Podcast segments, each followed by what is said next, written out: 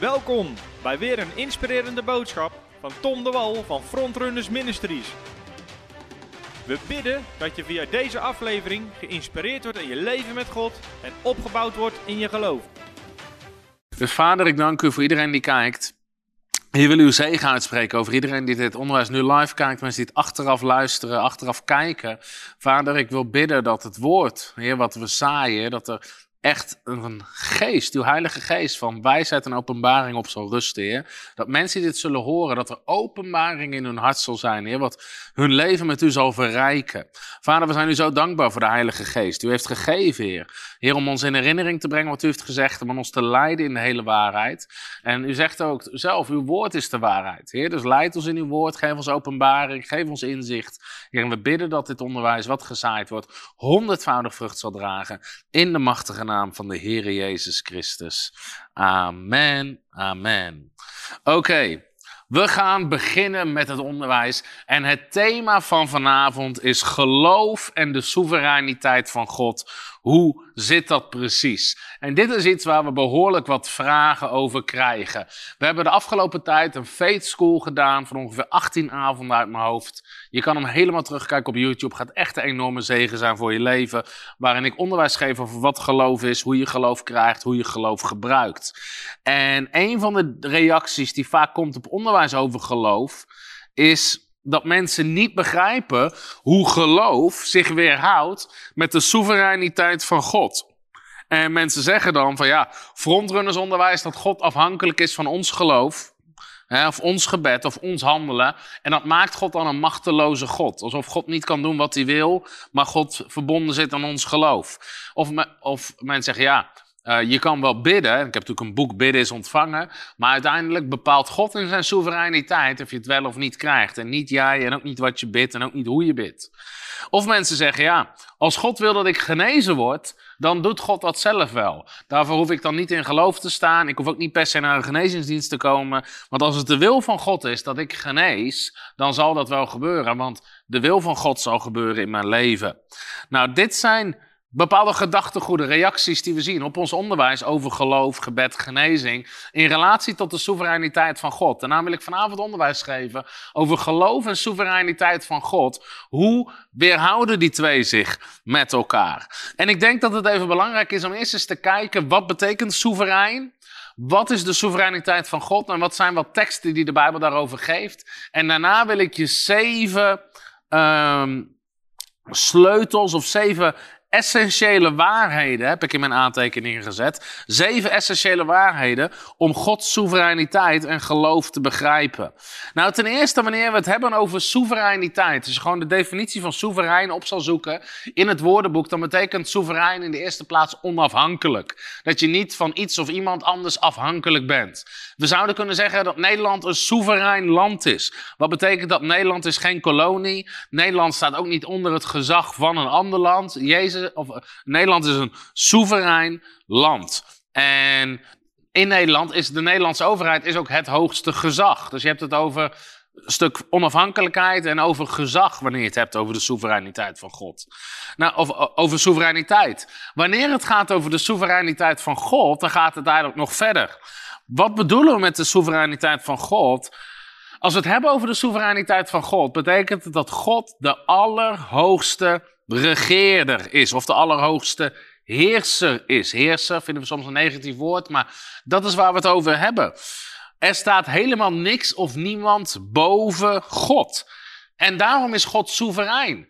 Niemand kan God zeggen wat hij moet doen. Niemand kan besluiten maken voor God, want God is een soevereine God.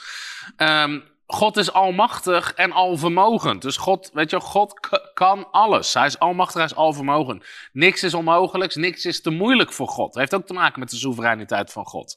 In het Engels zeggen ze ook, God is self-existing. God bestaat in zichzelf. Wat je daarmee bedoelt is, God heeft niks of niemand anders nodig om te bestaan. Wij mensen wel. Weet je, we hebben, we hebben andere mensen nodig om het voor te komen, maar God niet. God is er altijd al geweest. God heeft niemand anders nodig om te bestaan. God is alwetend, want God weet alles. En God is heilig. Daarmee bedoelen we niet alleen dat God foutloos is, foutloos is of smetteloos is, maar met de heiligheid van God betekent vooral dat God is apart gezet. God staat in een totaal andere categorie. Hij is met niks of niemand te vergelijken. Nou, dat is even een beeld van wat bedoelen we met de soevereiniteit van God. Nou, wat zijn ik heb net wat voorbeelden geschetst van verkeerde gedachtegoeden of conclusies uit de soevereiniteit van God. Die we terugzien uit de reacties op ons onderwijs. Maar wat zijn wat teksten die hierover spreken? Ik ga deze teksten later in de video ook uitleggen. De eerste is Matthäus 10, vers 29 en 30.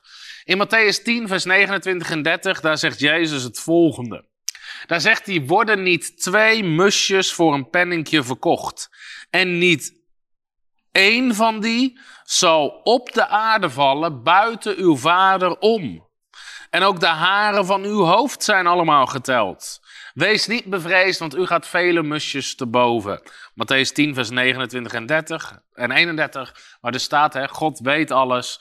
En zelfs als er een musje op de grond valt, de haren van je hoofd, God weet alles. En jij bent nog meer waard dan een mus. De conclusie die sommige mensen trekken, zie je dus alles wat gebeurt in mijn leven, of er nou een haar valt of wat dan ook, is de wil van God. Hè? God staat dat toe, of God is daar actief bij betrokken. Een andere tekst is Psalm 115. In Psalm 115, vers 3, daar staat het volgende. Daar staat, onze God is immers in de hemel en hij doet alles wat hem behaagt. Onze God is in de hemel en hij doet alles wat hem behaagt. Dus uit deze tekst zegt God doet wat hem behaagt. Dus als God iets wil, dan gebeurt dat. God is in de hemel en hij doet wat hij wil. Een andere tekst over de soevereiniteit van God is Jezaja 45. Jezaja 45 en ik wil even lezen vers 5 tot en met 7. Isaiah 45, vers 5 tot en met 7. Nogmaals, ik ga al deze teksten uitleggen, maar ik wil even een goed fundament leggen in het begin van dit onderwijs. In Isaiah 45, vers 5, daar staat: Ik ben de Heere en niemand anders. Buiten mij is er geen God. Ik zal u omgorden, hoewel u mij niet kende. Opdat men zal weten van waar de zon opkomt tot waar zij ondergaat, dat er buiten mij niets is. Ik ben de Heere en niemand anders. Ik formeer het licht en schep de duisternis. Ik maak de vrede en schep het onheil. Ik, de Heere, doe al deze dingen. Nou, hier zeggen mensen, zie je wel, God maakt ook de duisternis, God maakt ook het onheil, God maakt ook de ellende. Alles wat gebeurt is de wil van God. Is het goed, is het de wil van God. De Heer is geprezen. Is het slecht, was het ook de wil van God. God heeft ook het onheil gemaakt. Ik, de Heer, doe dat. Dus rust gewoon bij de wil van God. Een andere tekst is Amos 3. Ik wil nog een aantal teksten geven. Amos 3, vers 6 en 7. En er staat... Of wordt in een stad de bezuin geblazen zonder dat het volk beeft. Of komt er een kwaad in de stad zonder dat de Heere dat doet. Of komt er een kwaad in de stad zonder dat de Heere dat doet. Dus hier zijn ook mensen zeggen, zie je wel, ook kwaad, ellende wat gebeurt, is de Heere die dat doet. Dat zegt de Bijbel immers. Dus zowel het goede als het kwade komt van God. Andere bekende tekst is natuurlijk Job 1, vers 21. De Heere heeft gegeven, de Heere heeft genomen, geprezen zij de naam van de Heer. In andere woorden, of nou gegeven wordt of genomen wordt, het is allemaal, weet je wel, het is God die het doet en geprezen zij de naam van de Heer. Nou, dus dit zijn teksten die gebruikt worden om vaak de soevereiniteit van God te onderbouwen. En ik ga ze straks uitleggen. Maar er zijn heel veel mensen die uit dit soort teksten verkeerde conclusies trekken. He, een van die dingen is dus, ja, God is zo soeverein, je kan gewoon niet weten wat hij gaat doen of wil doen. Want Gods wegen zijn hoger dan onze wegen. Gods gedachten zijn hoger dan onze gedachten. Dus God doet wat hij wil. Hij doet alles wat hem behaagt. Of het goed is of kwaad is. Het is de wil van God.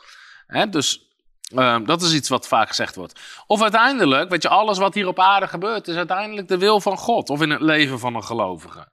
En daarom zie je ook dat soort reacties op onderwijs over geloof en gebed en autoriteit. Van uiteindelijk bepaalt God het. Weet je, ook ellende is de wil van God. Um, al die dingen meer. En ik wil je in deze uitzending dus helpen om dit goed te begrijpen. En ik denk dat dit voor veel mensen echt tot zegen gaat zijn in dit onderwijs. En ik wil je dus zeven essentiële waarheden laten zien vanuit het woord van God. Om Gods soevereiniteit juist te begrijpen, ook in de relatie met geloof en ons menselijk handelen. En ik ga je dus zeven essentiële waarheden geven. En de allereerste is, En het gaat, de allereerste gaat over mensen zeggen, ja, weet je, alles wat gebeurt, uiteindelijk is het de wil van God. De allereerste is, God heeft de mens autoriteit en een vrije wil gegeven. Nogmaals, de eerste is, God heeft de mens autoriteit en een vrije wil gegeven. En misschien dat er ook mensen zijn die het kunnen samenvatten in de reacties. Sommige mensen zijn er heel goed in, zodat de mensen in de chat ook meteen een samenvatting hebben. Dus nummer één, God heeft de mens autoriteit en een vrije wil gegeven. Ik snap persoonlijk ik snap persoonlijk niet waar het gedachtegoed vandaan komt dat alles wat hier op aarde gebeurt de wil van God is. Je hoeft maar een paar bladzijden te lezen in je Bijbel. Als je begint in het begin, en dat, zo heet dat boek ook, Genesis, wat betekent in het begin, dan lees je al binnen een paar bladzijden dat niet alles wat gebeurt de wil van God is. God maakt de mens, God maakt de hemel en de aarde, God plaatst ze in de hof. God geeft de mens een vrije wil en God geeft de mens autoriteit. Hij geeft ze heerschappij, autoriteit, zeggenschap en de vrije wil om eigen keuzes te maken. En binnen drie hoofdstukken gaat het mis. Want de mens gehoorzaamt de slang, waardoor de zondeval komt, waardoor ellende komt, etc. Was dit de wil van God? Nee, absoluut niet. Had God een reddingsplan? Ja, maar dit was niet Gods wil. Dit was niet Gods volmaakte plan. Dus binnen een paar hoofdstukken zie je al dat niet alles wat op aarde gebeurt de wil van God is, maar dat het te maken heeft met de mens die een vrije wil heeft, de mens die autoriteit heeft en de mens die keuzevrijheid heeft. En God, in die zin zou je zelfs kunnen zeggen dat in bepaalde mate de mens soeverein is. Nogmaals, in bepaalde mate. Wij hebben andere mensen nodig. En ik snap dat God het gezag boven ons is, maar de mens kan de keuze maken om Gods gezag te verwerpen. En niks of niemand boven zich te duiden. Uiteindelijk zegt de Bijbel dat er een dag komt waarop we allemaal rekenschap moeten afleggen. Maar de mens heeft vrijheid en verantwoordelijkheid. Dus dat is zo belangrijk om te beseffen als het gaat om de soevereiniteit van God. net haalde ik Psalm 115 aan, waar staat: Onze God is immers in de hemel, hij doet alles wat hem behaagt, in vers 3. Maar dit staat in vers 16 van diezelfde psalm. In, vers, 16, vers 16 van Psalm 115, daar staat: De hemel, de hemel is van de Heere, maar de aarde heeft hij aan de mensenkinderen gegeven. Hier zegt de Bijbel dat God heeft de aarde aan de mensenkinderen gegeven. God gaf de aarde aan Adam en Eva en aan hun nageslacht om over te regeren en heerschappij te hebben. En het is de mens die rebelleert tegen God, wat niet de wil van God is. En ook als het gaat om de soevereiniteit van God en ziekte of wat, zeggen mensen, ja, maar God heeft het wel toegestaan. Zij denken dat God heel actief, constant, alle dingen toestaat of afwijst in iemands leven. Maar wat we moeten begrijpen is, God heeft jou autoriteit gegeven, ook op dat gebied. Ga ik straks nog wat meer over zeggen. Maar in Matthäus hoofdstuk 10, vers 1, daar roept Jezus zijn discipelen bij zich. En dat geldt dus ook vandaag de dag voor ons. Want sommige mensen zeggen, ja, maar dat was alleen voor de twaalf discipelen. Maar Jezus zei tegen de twaalf discipelen, Matthäus 28, ga heen en onderwijs de volken alles wat ik jullie geleerd heb. En dit valt ook onder alles. Daar zegt Jezus in Matthäus 10, hij zegt, ik geef jullie macht en kracht om iedere ziekte en iedere kwaal te genezen. Jezus zegt ook in Lucas 10, vers 19: Ik geef jullie kracht om slangen en schorpioenen te treden. Wie moet dat doen? Zij moeten dat doen. Jezus zegt niet: Ik ga dat doen, jullie gaan dat doen. We doen het in de naam van Jezus. We doen het met de kracht van de Heilige Geest. Maar die verantwoordelijkheid heeft God bij ons gelegd. Dus wij kunnen dat niet opnieuw terug bij God leggen. Als God het bij ons heeft gelegd. Nou, ook die manier dat ja, maar God heeft het wel toegestaan. Als je dat op andere gebieden zou begrijpen, zou toepassen. Weet je, ik zou ook vanavond, na deze uitzending, naar een bank kunnen rijden, de bank overvallen.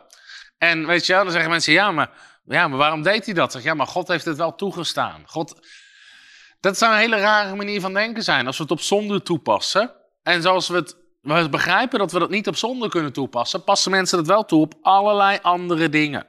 En je ziet dus gewoon dat heel veel mensen maken keuzes die niet in lijn zijn met het woord van God. En dat zie je al vanaf Genesis, vanaf Genesis hoofdstuk 3, Genesis hoofdstuk 4. In Genesis hoofdstuk 6 staat zelfs dat God berouw had, spijt had dat hij de mens had gemaakt. En het bedroefde hem omdat er zoveel slechtheid op de aarde was. Dus God was het absoluut niet mee eens. Het was ook niet de wil van God. Het was niet het plan van God, maar het gebeurde wel. En het gebeurde door de mens. Nou, en dit zie je door de hele Bijbel heen. Dit zie je natuurlijk ook met het volk Israël. Het was überhaupt niet de wil van God dat ze 40 jaar in de woestijn zouden zijn. Weet je, als je het uit gaat rekenen, theologen, ze hadden in sowieso, ik, ik heb het in mijn. Uh, ik heb het laatst nog helemaal uitgezocht, maar goed, ik ga, ga nou niet de specifieke uh, dagen geven. Maar ze hadden binnen een aantal weken vanuit Egypte in het beloofde land kunnen staan. Dat was het plan van God. Maar ze waren zelf ongehoorzaam, ze rebelleerden, ze geloofden God niet. En in plaats daarvan moesten ze 40 jaar door de woestijn heen zwerven. En duurde het daarna heel lang voordat ze het beloofde land innamen. Was dat de wil van God? Nee, absoluut niet. De Bijbel zegt sterker nog in Psalm 78, vers 41. Telkens stelde zij God op de proef en beperkte de heiligen van Israël. Hier zegt de Bijbel dat die mensen door hun ongeloof en door hun rebellie God beperkte. In Psalm 78, vers 41.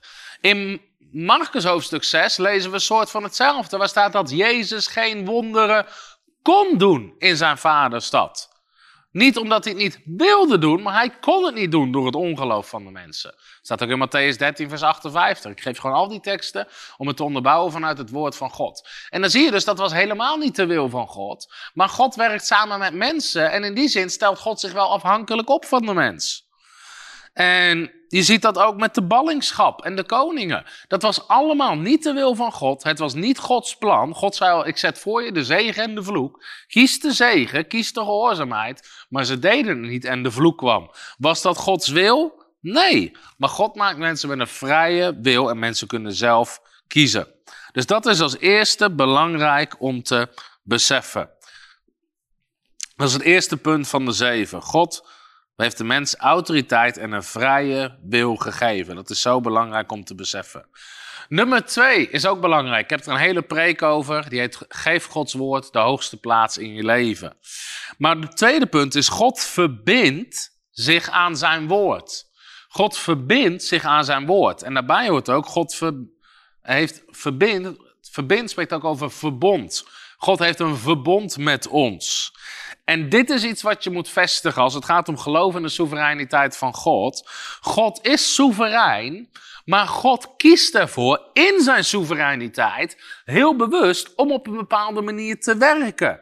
Dat openbaart God in zijn woord en God houdt zich daaraan. Dus in zijn soevereiniteit heeft God de mens een vrije wil gegeven en autoriteit gegeven. Had God niet hoeven doen, want hij bepaalt zelf hoe hij het doet, maar hij heeft dat wel gedaan. En God trekt dat nu niet terug, ondanks dat God soeverein is, want God heeft ervoor gekozen om dat zo te doen. Hetzelfde geldt voor het woord van God. God is soeverein, maar in zijn soevereiniteit gaat God nooit tegen zijn eigen woord in.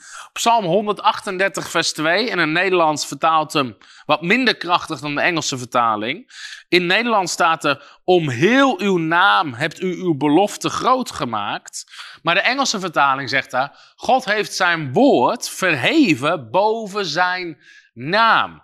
Zijn naam betekent het wezen van God, wie God zelf is. En de Bijbel zegt, God heeft zijn woord verheven boven zijn naam. In andere woorden, God verbindt zichzelf aan zijn woord. God heeft zijn woord boven zijn naam, zijn reputatie gezet. En God zegt, ik verbind mezelf aan mijn woord en ik hou me aan het woord. Daarom zegt God ook in Jeremia 1 vers 12, ik waak over mijn woord om dat te doen.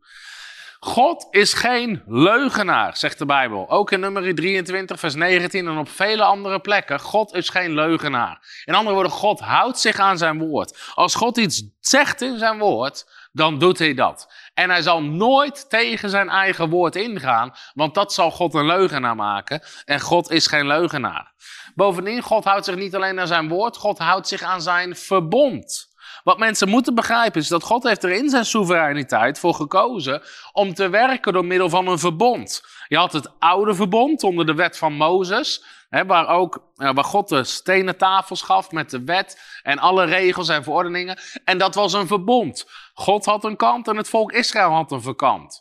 Nu leven wij, dankzij het offer van Jezus Christus, onder het nieuwe verbond, waarvan Hebreeën ons vertelt dat het in betere beloftes is vastgelegd. Jezus Christus is ervoor gestorven. Door zijn bloed heeft hij het nieuwe verbond met ons, um, heeft hij ons in het nieuwe verbond gebracht.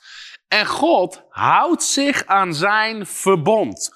Wanneer mensen zouden zeggen, ja, God belooft dat wel, maar ja, het, hij heeft het niet gedaan. Dan zeggen mensen eigenlijk, God heeft zijn verbond verbroken. Maar God is een verbondsgod. En God verbreekt nooit zijn kant van het verbond. Als iets niet gebeurt, wat God wel belooft, ligt het nooit aan God, maar ligt het ergens aan onze kant van het verbond, maar nooit aan God. Want God is niet iemand die zijn verbond breekt.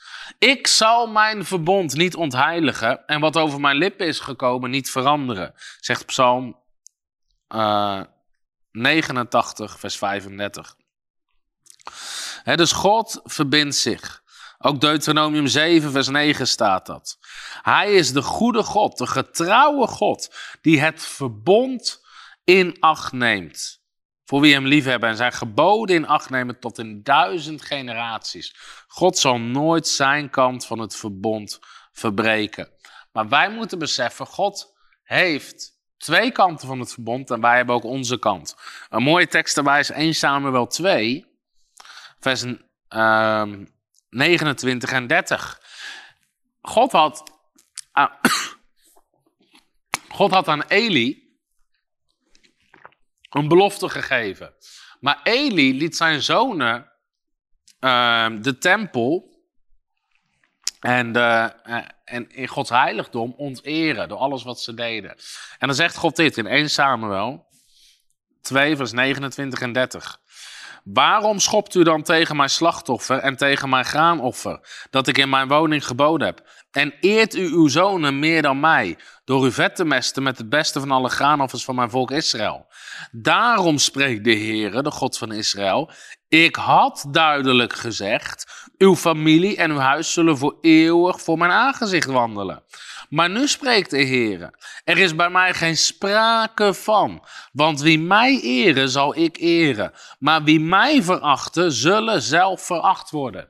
Hier zegt God letterlijk: Ik had gezegd, ik heb dit en dit beloofd. Maar, zegt God, nu is er geen sprake van. Want jullie eren jullie kant van het verbond niet. Jullie veronachten mij. Jullie eren me niet. Je houdt je niet aan wat ik heb gezegd. En daarom zegt God, zal ook niet gebeuren wat ik heb gezegd. Dus God is een verbondsgod. En God houdt zich altijd aan zijn kant van het verbond.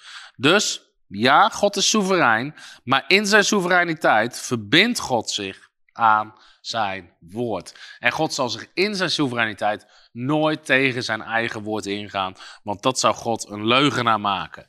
En God is geen leugenaar, dus dat is zo ontzettend belangrijk. Nummer drie, het derde punt, is Satan is op aarde geworpen, onze tegenstander. De Bijbel leert ons dat op deze aarde is Satan, de duivel, de tegenstander is ook aanwezig. God heeft Satan uit de hemel gegooid, op de aarde gegooid. En hij is een tegenstander.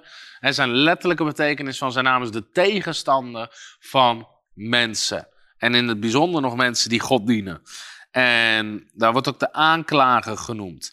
En mijn punt is dit, dat heel veel dingen die hier op aarde gebeuren, zijn absoluut niet de wil van God, zijn ook niet het werk van God, maar zijn het werk van de duivel. Sterker nog, alle kwaad alle ellende hier op aarde is niet de wil van God. Is ook niet het werk van God. Het is het werk van de duivel. Ja, maar sommigen zeggen, ja, maar hoe zit het dan met die teksten die je net hebt gelezen? Van, uh, ik de Heere ben het die onheil geeft. Ik ga je zo meteen uitleggen hoe die teksten zitten. Maar ik ga je eerst laten zien wat de Bijbel ons leert over de duivel. In Johannes hoofdstuk 10, daar zegt Jezus al, de dief wat ook refereert naar de duivel. De duivel is een dief. Hij neemt, hij steelt. De dief komt alleen maar om te roven, te stelen en te vernietigen. Maar ik ben gekomen, zegt Jezus, opdat zij leven hebben en dat in overvloed. Jezus is gekomen om ons leven te geven en dat in overvloed. In het Grieks staat daar zoe, Gods soort leven Het, het onderscheid is heel makkelijk. Wordt er geroofd, gestolen en vernietigd, is het niet het werk van Jezus, maar is het het werk van de dief. Maar Jezus wil ons leven geven en dat in overvloed. Jezus zei niet voor niks. Als je mij hebt gezien, heb je de Vader gezien. En de Bijbel zegt, Jezus heeft de Vader aan ons verklaard. Hij is het beeld van het onzichtbare God. Hebreeën hoofdstuk 1 zegt dat hij is de afdruk van zijn zelfstandigheid, Jezus. In andere woorden, hij drukt Gods persoonlijkheid uit. Als we kijken naar Jezus, dan zien we niet dat Jezus rondging om mensen arm te maken, ziek te maken, ellende te geven, moeilijkheden te geven. Hij, stak geen huizen in brand. Hij schopte geen, geen, geen, geen vrouwtjes die slechte been waren. Nee, Jezus ging rond. De Bijbel zegt genezende alle, handeling hoofdstuk 10 vers 38, die door de duivel overweldigd waren. Overal waar Jezus kwam, Handelingen 10, vers 38 zegt letterlijk: Jezus ging rond, goeddoende en genezende alle die er van de duivel overweldigd waren. Jezus deed overal goed. Hij was alleen maar goed. Hij genas, hij bevrijdde, hij herstelde, hij vergaf, hij was vrijgevig. Dat is wie Jezus is. En als we Jezus zien, dan zien we hoe God is. Dat is hoe God is. En de Bijbel noemt de duivel de mensenmoordenaar vanaf het begin. Johannes 8, vers 44. Dus het is zo belangrijk om te beseffen dat het is de duivel die, het werken, die, die aan het werken is als het gaat om kwaad en ellende. Niet God. Ook wanneer Jezus naar situaties keek. Mensen die doof en stom waren. Die niet konden spreken, niet konden horen. In Marcus 9, daar zegt Jezus niet van, ach, de Heer heeft dit gedaan. Jezus zegt, deze geest die doof en stom maakt, kom eruit. Jezus dreef daar een boze geest uit. In Lucas hoofdstuk 13, die kromgebogen vrouw, zegt Jezus, Satan nu heeft deze vrouw al 18 jaar lang gebonden. En ze heeft een geest die haar ziek maakt. Maar dit is een dochter van Abraham. En ze moet losgemaakt worden van deze band op deze dag. Dus Jezus ziet dat niet als het werk van God. Jezus ziet dat als een geest en als het werk van de duivel. Dus God is niet de bron achter ellende. Jacobus 1, vers 17 staat zo ontzettend duidelijk. Elke goede gave, elk volmaakt geschenk is van boven en daalt neer van de Vader der lichten. God is een God van licht, bij wie geen verandering is of schaduw van ommekeer. God is nooit veranderd. God is hetzelfde door het Oude Testament als het Nieuwe Testament. Alleen het Oude Testament geeft vaak een verkeerd beeld van God. Ga ik zo meteen ook iets van uitleggen. Als mensen niet het Oude Testament begrepen. Toevallig kreeg ik vanavond die vraag nog van iemand of ik wat meer kon uitleggen over het verschil tussen het Oude en het Nieuwe Testament. Maar dit is zo'n krachtige tekst. En misschien kan je dit hardop gewoon nazeggen, waar je ook zit te kijken. Elke goede gave en elk volmaakt geschenk is van boven en daalt neer van de Vader der lichten. God is een God van licht. Man, ik word vrolijk als ik deze tekst lees. Bij wie geen verandering is of geen schaduw van ommekeer. Prijs God. God heeft geen schaduwzijde. God heeft geen donkere kant. En God is ook niet veranderd. Er zijn er velen die preken dat God veranderd is. In de Bijbel lezen we dat de duivel ziek maakt en God geneest. En vandaag de dag zijn er mensen die prediken dat als iemand geneest, dat het het werk van de duivel is. En als iemand ziek is, zeggen ze ja, dat is de wil van God. Het is een leugen uit de hel. En het is tijd dat hij ontmaskerd wordt. Want God is een goede God. Alles wat hij doet is goed. Elke goede gave en elk volmaakt geschenk komt bij hem vandaan. En hij heeft geen schaduwzijde. En dit is wat we moeten beseffen.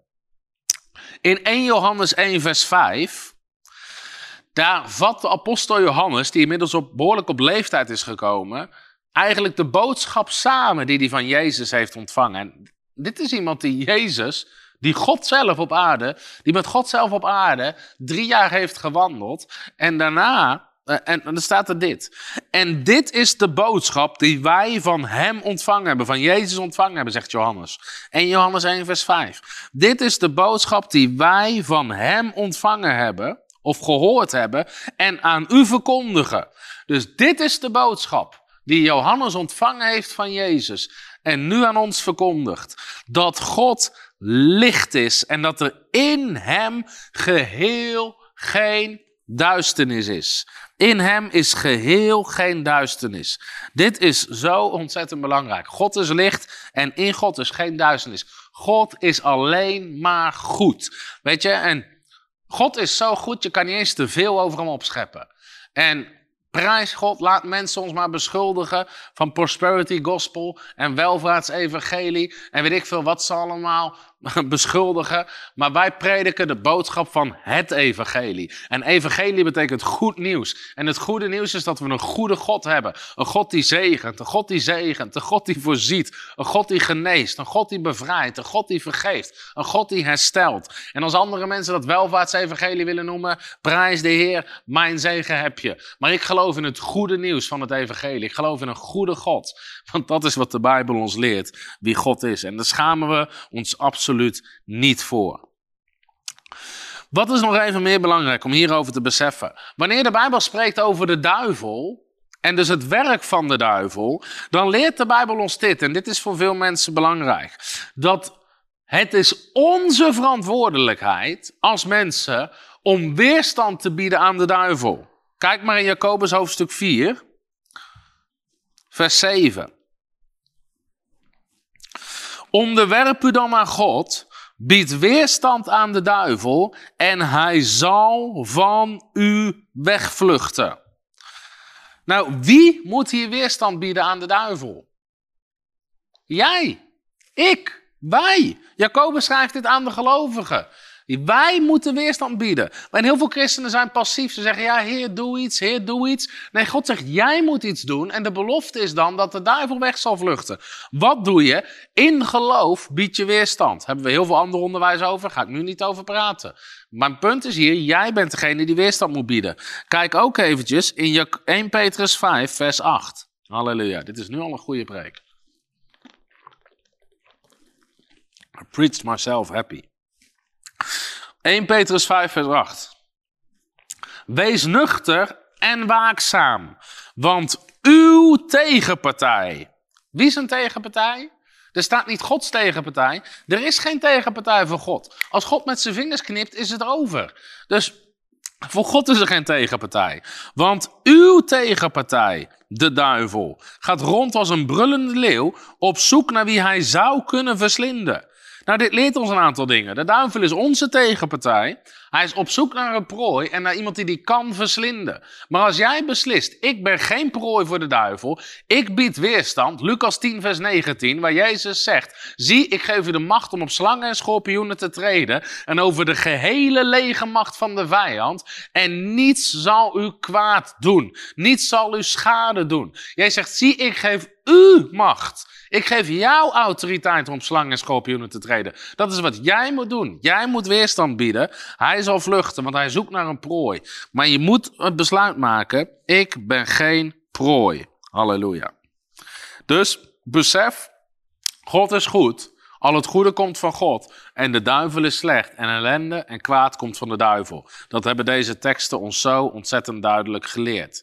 Ja, maar hoe zit het dan met die teksten die je net las, Tom? Waar staat dat God onheil schept? Ik ben blij dat je het vraagt, dan kan ik het uitleggen. Laten we eens beginnen met Jezaja, hoofdstuk 45. Jezaja, hoofdstuk 45. En ik wil even een stukje context ook lezen. Dus ik pak hem mezelf ook even bij in mijn Bijbel. Jezaja 45. We gaan even lezen vanaf vers 1. Nou, wat is überhaupt de context van Jezaja? Is natuurlijk de ballingschap. Het volk van Israël, wat ongehoorzaam was, honderden jaren lang. En de ultieme uiting van de vloek, van ongehoorzaamheid aan God. God zei, er zal de vloek over je komen. En de ultieme uiting was dat ze in ballingschap zouden komen. Ze zouden weggevoerd worden en onder een andere koning komen. En uiteindelijk wilde God hun daar ook weer uithalen en herstel brengen in het land. In Jesaja 45 staat dit. Zo zegt de Heer, ik begin even in vers 1, tegen zijn gezalfde, tegen Kores. Nou, dat was Cyrus, dat was een heidense koning tegen zijn gezalfde, tegen Kores, die ik vastgrijp bij zijn rechterhand, om de volken voor hem neer te werpen. En lendenen van koningen zal ik ontgorden. In andere woorden, ik zal ze ontwapenen. Om deuren voor hem te openen en poorten zullen niet gesloten worden. Zelf zal ik voor u uitgaan, het oneffene recht maken. Bronzen deuren zal ik openbreken. IJzeren grendelstuk breken. En ik zal geven schatten die in het duister zijn, verborgen rijkdom, opdat u zult weten dat ik de Heer ben, die u bij uw naam roept, de God van Israël. Ter wille van Jacob, mijn dienaar, Israël, mijn uitverkoren riep ik u bij naam. Ik gaf u een erenaam, hoewel u mij niet kende. Dit zegt God dus tegen die heidense koning. Let op, nu komt de tekst die ik net las. Ik ben de Heere en niemand anders. Buiten mij is er geen God. Ik zal u omgorden, hoewel u mij niet kende. Opdat men zal weten van waar de zon opkomt tot waar zij ondergaat, dat er buiten mij niets is. Ik ben de Heer en niemand anders. Komt-ie. Ik formeer het licht en schep de duisternis. Net zei Johannes, God is licht en in hem is geen duisternis. Ik maak de vrede en ik schep het onheil. Ik, de Heere, doe al deze dingen. Nou, wat is hier aan de hand en wat moeten we begrijpen over deze tekst? Het gaat over de, en daarom is het belangrijk, dus mijn vierde punt is bekijk de tekst in hun context. Het gaat over de Perzische koning Cyrus. En God riep hem en zalft hem als koning om Gods volk te helpen om terug te komen en de tempel te herbouwen. En wat wil God hier duidelijk maken aan zijn volk, is dat ten eerste het geen toeval was dat ze in de ballingschap waren terechtgekomen. Dat was niet toeval. Dat was niet zo van, nou ja, weet je, we zijn hier zomaar terechtgekomen. Nee, ze waren bewust ongehoorzaam geweest. Dat had voor de vloek op hun leven gezorgd. En dat zorgde voor de ballingschap. En als het hier gaat over duisternis en onheil, wil God niet zeggen: ik ben verantwoordelijk voor al het kwaad wat er gebeurt. Dit gaat in de context over de ballingschap en over het onheil wat daarmee te maken had. En God zegt eigenlijk van jongens, ik ben degene die achter de ballingschap zat. Het was geen toeval dat jullie hier terecht zijn gekomen. Het komt door ongehoorzaamheid aan mij. Het komt ook niet door het werk van andere goden of kwade machten. Want die andere volken hadden andere goden. En sommige Israëlieten dachten van ja, zie je, die goden zijn misschien gewoon sterker dan onze God. En God wil zeggen nee, God zegt hier, ik ben de Heer en niemand anders. Buiten mij is er geen God. Het is niet het werk van die andere goden die sterker zijn dan mij, waardoor jullie hier zitten. Het is ook niet toeval. Ik ben degene die hierachter zit. Maar God zegt niet, ik ben degene die achter al het kwaad, alle onheil. Dat is niet wat God hier probeert te zeggen. Het gaat in de context over de ballingschap. En ook goede Bijbelcommentaren, die zetten dat erbij. Niet eens goede, iedere Bijbelcommentaar. Want iedere theoloog snapt waar deze tekst over gaat in de context. Ik, ik, lees hier gewoon een stukje uit een, uit een commentaar. De woorden dat de Heere duisternis maakt en onheil schept, kunnen het beeld oproepen dat de Heere de bewerker is van kwaad. Echter moeten we kwaad hier niet opvatten als moreel kwaad of zonde, maar als tegenstelling van vrede, welzijn en voorspoed. Het gaat over kwade levensomstandigheden, waarbij we concreet moeten denken aan de ballingschap als Gods oordeel over Israëls zonde. Dat is waar het over gaat. Het gaat niet over ellende in individuele levens, daar gaat het niet over. En daar staat ook, tenslotte blijkt elders in de schrift dat het kwaad niet bij God zijn oorsprong vindt, maar te wijd is aan zondige structuren, zondig handelen van mensen, de Satan uh, en het werk van de zondeval. Hey, Jezaja is in deze hoofdstukken niet het probleem van het kwaad aan het bespreken, maar de unieke macht en positie van Yahweh als enige God brengt hij naar voren. Licht en duister, goed en kwaad zijn geen gelijke grootheden, zoals in de Persische godsdienst werd aangenomen, maar ze zijn onderworpen aan de Heer. En dat is dus waar het om gaat. Diezelfde tekst, eh, of in Amos 3, hè, waar stond dat uh, God doet, het kwaad in de stad komt van God. Laten we Amos 3 ook even wat versen eromheen lezen. Amos 3, vers 4, 5 en 6. Brult een leeuw in het woud als hij geen prooi heeft. Laat een jonge leeuw vanuit zijn hol zijn stem klinken zonder dat hij iets gevangen heeft. Duikt een vogel in een strik op de aarde als er geen val voor hem is. In andere woorden, gebeuren al deze dingen zonder reden. Springt de strik van de grond als er niets gevangen is? Het antwoord op al deze dingen is natuurlijk nee. Of wordt er in een stad in de bezuin geblazen zonder dat het volk beeft. Of komt er kwaad in de stad voor zonder dat de Heer dat doet. Nou, dit is ook zo'n tekst hiermee zie het kwaad in de stad komt van de Heer. Maar dat is weer niet waar het over gaat. Het gaat hier duidelijk over oorzaak en gevolg. God zegt, duikt er een vogel in de strik op de aarde als er geen val voor hem is? Nee, dat er is een oorzaak en er is een gevolg. Springt de strik van de grond als er niks gevangen is? Nee, oorzaak en gevolg. En dan zegt God, is er kwaad in de stad zonder dat de Heer dat doet? Nee, maar het gaat over de context van de ballingschap. Het gaat erover dat God zegt, de reden dat jullie hier in ballingschap zitten en de reden dat er geen zegen is en de reden dat er onheil is, dat is weer geen toeval. Dat is niet het werk van andere goden.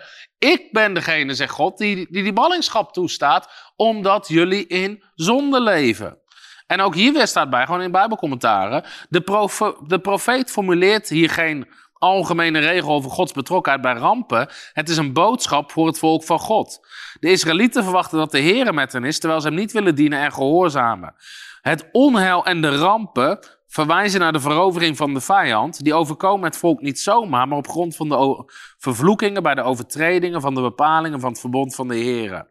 Dus de context van de aanklacht en het oordeel is het verbond tussen God en zijn volk. Dus zie je dat deze teksten totaal niet zijn dat God probeert te zeggen door Jezaja en Amos, ik ben de bron van het kwaad in mensen hun leven. Nee, het gaat over de ballingschap. En dat Israël goed moet weten dat het geen toeval is en ook niet het werk van andere goden. Maar dat is de context van die teksten. En daarom is het zo belangrijk. Ook Jezaja 55 heb ik al heel vaak uitgelegd. Ik leg het ook uit in mijn boek over geloof. En ook over bidden is ontvangen. Dat is die tekst waar staat: Mijn, wegen zijn hoger dan jullie wegen. En mijn gedachten zijn hoger dan jullie gedachten. Dat gaat niet over de kinderen van God. Dat is geen tekst voor de soevereiniteit van God. Zie je wel. God doet wat hij wil. Zijn wegen zijn anders. Zijn wil is hoog. En God doet wat hij wil. Het is geschreven, en lees het zelf maar na Jezaja 45. Het gaat over de goddeloze en de man van ongerechtigheid. God zegt, laat de goddeloze zich bekeren. Laat de man van ongerechtigheid zijn wegen verlaten. Laat de goddeloze zijn gedachten veranderen. Want mijn gedachten zijn niet jullie gedachten. Zegt God tegen de goddeloze en de man van uh, ongerechtigheid. Wat betekent bekeren? Betekent verander de manier waarop je denkt, verander de weg waarop je wandelt. Dus God wil juist dat, jouw wegen, dat zijn wegen jouw wegen worden en zijn gedachten jouw gedachten zijn. Daarvoor is die tekst geschreven. Dus al die teksten in hun context zijn zo ontzettend duidelijk, maar het zijn mensen die het uit de context trekken en daarmee proberen te onderbouwen dat God niet goed is of dat God de bron van kwaad is. Maar dat is niet wat de Bijbel ons leert. Als je hierdoor gezegend wordt, zeg je prijs de Heer in de reacties. Het is heel stil in de reacties, misschien zijn mensen totaal in shock. Nou, hetzelfde geldt voor die Psalm 103, of oh, sorry, Psalm 115. Hè, waar in vers 3 staat: Onze God is in de hemel, hij doet alles wat hem behaagt. Maar, dit is zo mooi. Pak Psalm 115 er eens bij in je Bijbel. Want in vers 16 staat dan: De hemel is van de Heere, maar de aarde heeft hij aan de mensenkinderen gegeven. Dus in diezelfde psalm staat: God doet wat hij behaagt, maar er staat ook in: God heeft de aarde aan de mensenkinderen gegeven. Dat behaagde God. Om de aarde over te geven, de autoriteit, aan de mensen. Dus dat was Gods wil en dat heeft God gedaan. Nou, wat nog mooier in deze psalm, psalm 115. Nou, hier komt hij weer hoor. Laat mensen ons maar beschuldigen van prosperity gospel. Dit is gewoon heerlijk. De Heere doet wat hij behaagt. Wat behaagt God? Nou, let op. Wat God behaagt. In Psalm 115 vanaf vers 12. Dit vind ik zo mooi. De Heere heeft aan ons gedacht. Zeg eens hardop thuis. De Heere heeft aan mij gedacht. En, en, en hierom doen we ook de Blessed Conference. Dus zorg dat je erbij bent, want dit wordt heerlijk. De Heer heeft aan ons gedacht. Dubbele punt. Waar heeft God aan gedacht?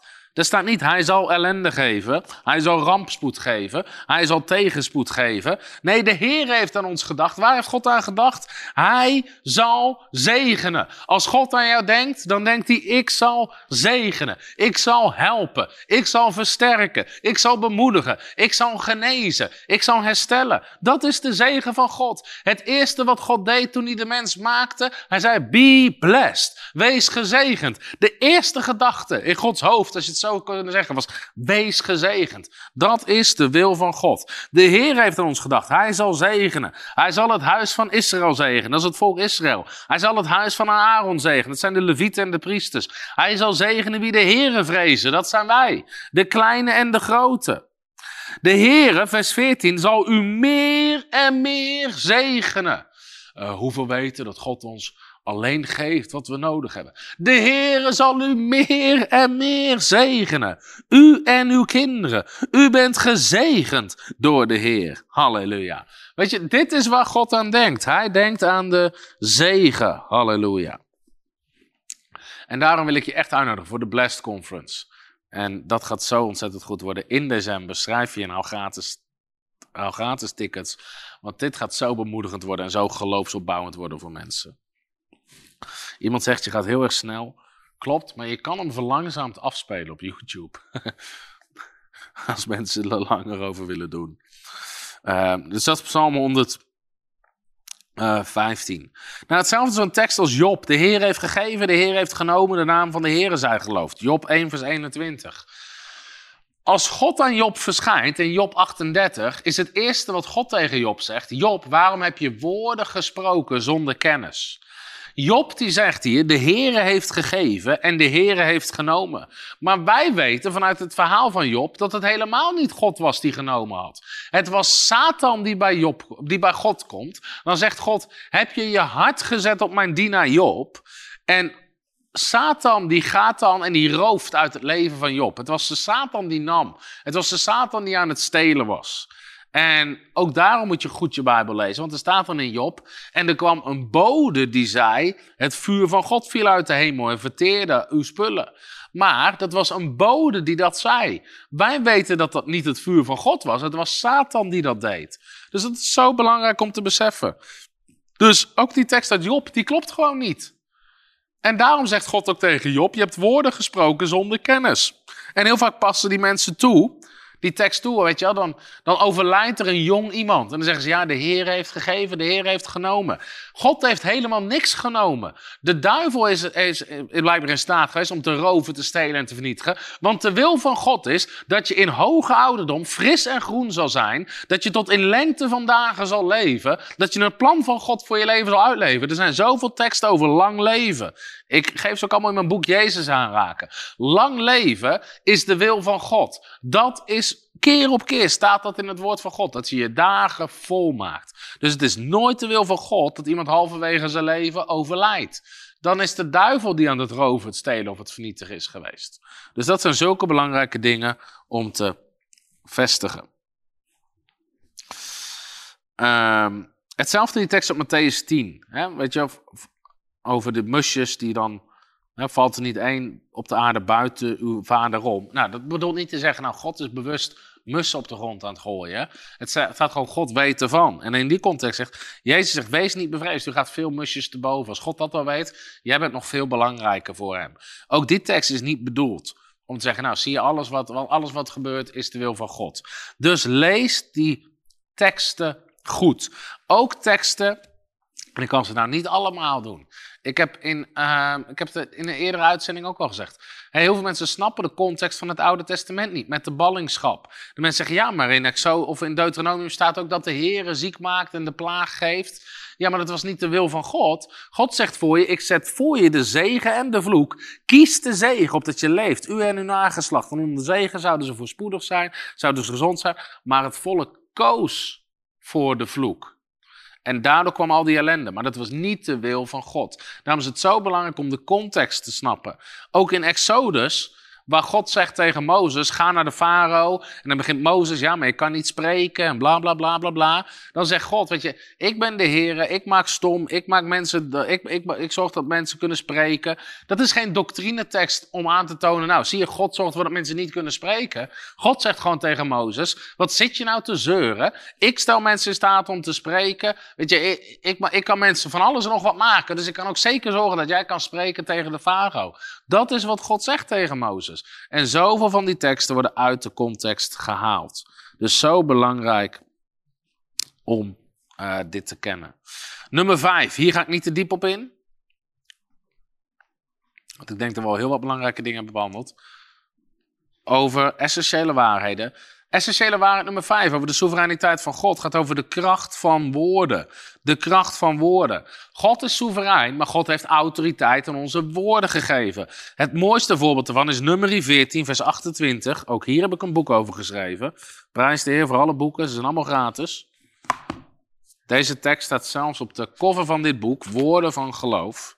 Woorden van Geloof. God had gezegd: Ik heb een beloofd land voor jullie. Ga, het is een land wat overvloeit van melk en honing. Ga en neem het in bezit. En wat zegt het volk dan? De reuzen zijn te sterk, de muren zijn te groot, wij kunnen het land niet innemen. Was het het wil van God dat ze het land innamen? Ja. Was dat het plan van God? Ja. Namen ze het in? Nee. Waarom niet? Onder andere door wat ze geloofden en de woorden uit hun mond. En dan in nummer 14, vers 28, daar staat letterlijk deze tekst. Zo waar ik leef, spreekt de Heer, ik zal zeker met jullie doen wat ik je heb horen zeggen. Ik zal doen wat ik jullie heb horen zeggen. Er zit kracht en autoriteit in de woorden die je spreekt. Jezus zegt ook in Marcus 11, vers 23 dat we kunnen spreken tegen de berg en dat zal gebeuren wat jij zegt. Dus soms zeggen mensen, uh, Tom de Wal zegt dat God, dat, je, dat God werkt met de woorden uit onze mond. Nee, jij, God zelf zegt hier, ik zal doen wat ik jullie heb horen zeggen. Dus God is soeverein, maar God heeft autoriteit gegeven aan jouw woorden. Dood en leven is in de macht van de tong. Spreuken 18 vers 21. Wie hem lief heeft, zal de vruchten van plukken. Mensen die dit principe begrijpen, zullen goed opletten wat ze zeggen. Er zijn zo ontzettend veel teksten over de kracht van woorden. En dus ook dat is belangrijk om dat te beseffen. Weet je, God kiest ervoor. Marcus 11 onderwijst Jezus zo duidelijk. En ik heb hier zoveel preken over. Ik ga het nu niet herhalen. Maar Jezus zegt over die berg. Wil je een berg verplaatsen? Heb geloof in God. Want voorwaar ik zeg u, wie zal spreken tegen deze berg en niet zal twijfelen in zijn hart, maar zal geloven dat wat hij zegt gebeuren zal, het zal hem gebeuren wat hij zegt. Jezus leert daar dat als er een berg is in jouw leven, dat jij geloof moet hebben en dat jij moet spreken zonder te twijfelen. Jezus zegt niet, heb je een berg in je leven? Ach, Wacht maar gewoon af. Als het de wil van de Heer is, gaat hij weg. Als het niet de wil van God is, blijft hij. Jij kan wel geloven en spreken, maar uiteindelijk maakt het allemaal niks uit. Het is de wil van God. Dat is wat religie onderwijst. Van ach ja, alles. Nee, Jezus zegt nee, jij gebruikt je geloof. Jij gebruikt de kracht van woorden. En dat is wat de Bijbel ons leert. Nummer 6 van de zeven essentiële waarheden over de soevereiniteit van God begrijpen, is zaaien en oogsten. En dit is eigenlijk een verlengstuk van de vrije wil van de mens. En daarmee bedoel ik consequenties van handelingen. Galaten 6, vers 6 tot en met 8. Galaten 6, vers 6 tot en met 8. Wie onderwezen wordt, moet al het goede dat hij bezit met zijn leermeester delen. Ik heb het niet de HSV, ik denk dat dit de MBV is. Hier. Wie onderwezen wordt, moet al het goede dat hij bezit met zijn leermeester delen. Vergis u niet, God laat niet met zich spotten. Wat een mens zaait, zal hij ook oogsten. In andere woorden, er zit consequenties aan de dingen die jij doet. God laat niet met zich spotten. In andere woorden, wat er gebeurt in jouw leven, God laat niet met zich spotten. Wat jij doet, heeft consequenties. Wie op de akker van zijn zondige natuur zaait, zal, de oogst, zal oogsten dood. Maar wie op de akker van de geest zaait, oogst het eeuwige leven. Even kijken wat er in de HSV staat. Wat de mens zaait, zal hij oogsten. En dan staat in vers 8 van de HSV. Even kijken of dat hier in beeld komt.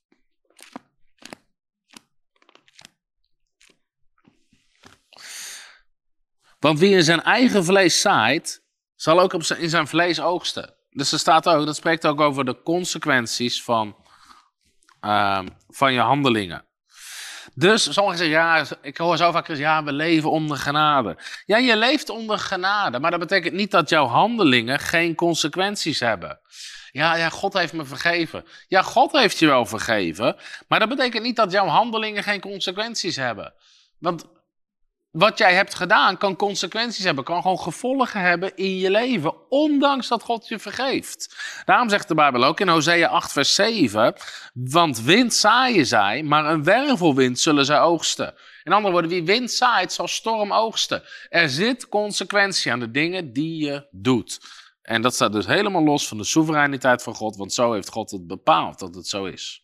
En als laatste, als zevende, ons geloof.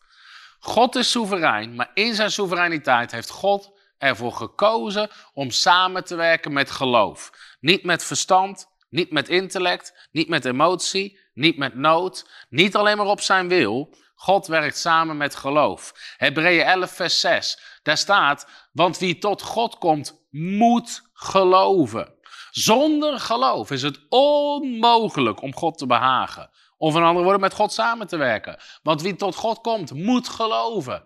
Uh, pas op voor Tom de Wal, die onderwijst dat God afhankelijk is van ons geloof. Nee, God zelf zegt in Hebreeën 11, vers 6. Wie tot mij komt, moet geloven. Ik ben dat niet, dat zegt God. God zegt geloof als voorwaarde. Zonder geloof is het onmogelijk om God te behagen. In andere woorden, geloof is een voorwaarde om God te behagen. Dat is niet iets wat wij verzinnen, dat is wat het woord van God zegt. God kiest ervoor om te werken met geloof. Daarom zei Jezus zo vaak, het zal geschieden naar uw geloof. Hij zei tegen niemand, het zal u geschieden naar Gods wil. Hij zei tegen heel veel mensen, het zal u geschieden naar uw geloof. Jezus zei tegen mensen, uw geloof heeft u genezen. Jezus zei tegen niemand, Gods wil heeft u genezen. Het was de wil van God om te genezen, maar het was door hun geloof dat ze het ontvingen. Jezus zei ook over gebed. Daarom zeg ik jullie, alles waarom jullie bidden en vragen, geloof dat je het ontvangen hebt en je zal het hebben. Geloof is een voorwaarde. Dus God is soeverein, maar God kiest ervoor om met geloof te werken. En mensen die dat ontkennen, ontkennen de boodschap van de Bijbel. Ze dienen een God van hun eigen fantasie, niet de God van de Bijbel. Want de God van de Bijbel is een geloofsgod. En hij vraagt en hij werkt met geloof. Dat deed hij in Genesis, Exodus, Leviticus, Numeri, Deuteronomium, tot en met Nieuwe Testament, Matthäus, Marcus, Lucas, Johannes, Handelingen, tot en met Openbaring. God is een geloofsgod. Niet alles wat gebeurt is de wil van God. Zo belangrijk. Ik ga hem samenvatten.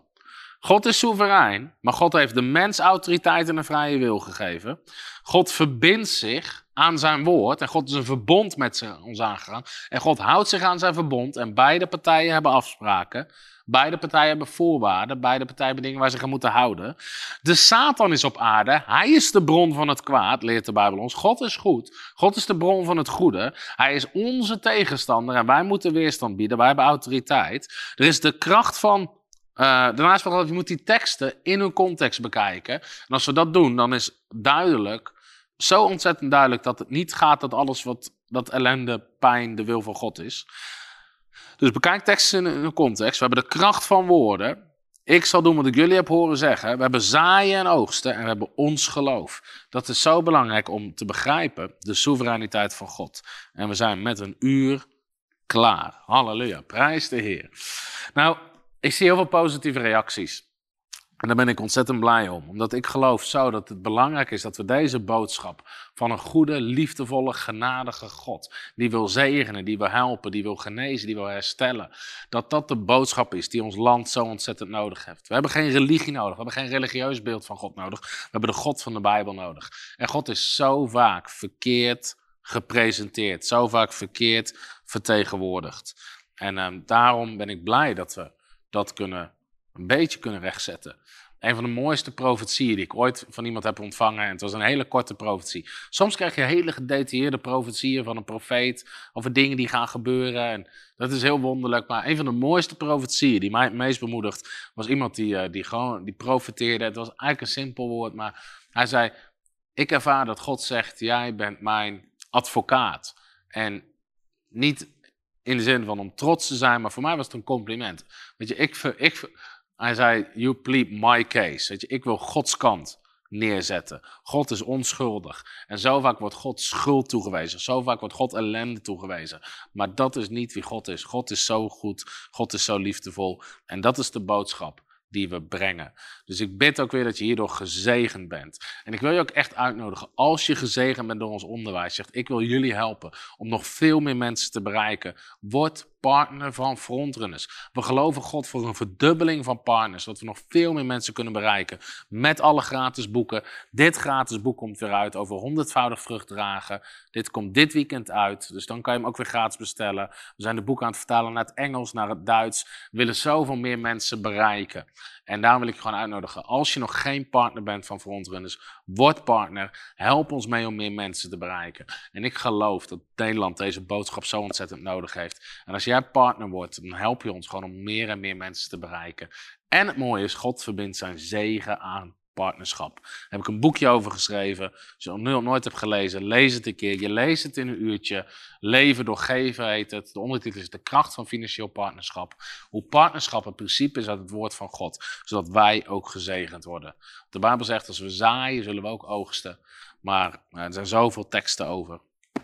Ah, maar goed, die ga ik nu niet herhalen. Maar ik wil je wel uitnodigen, als je nog geen partner bent, ga naar de website.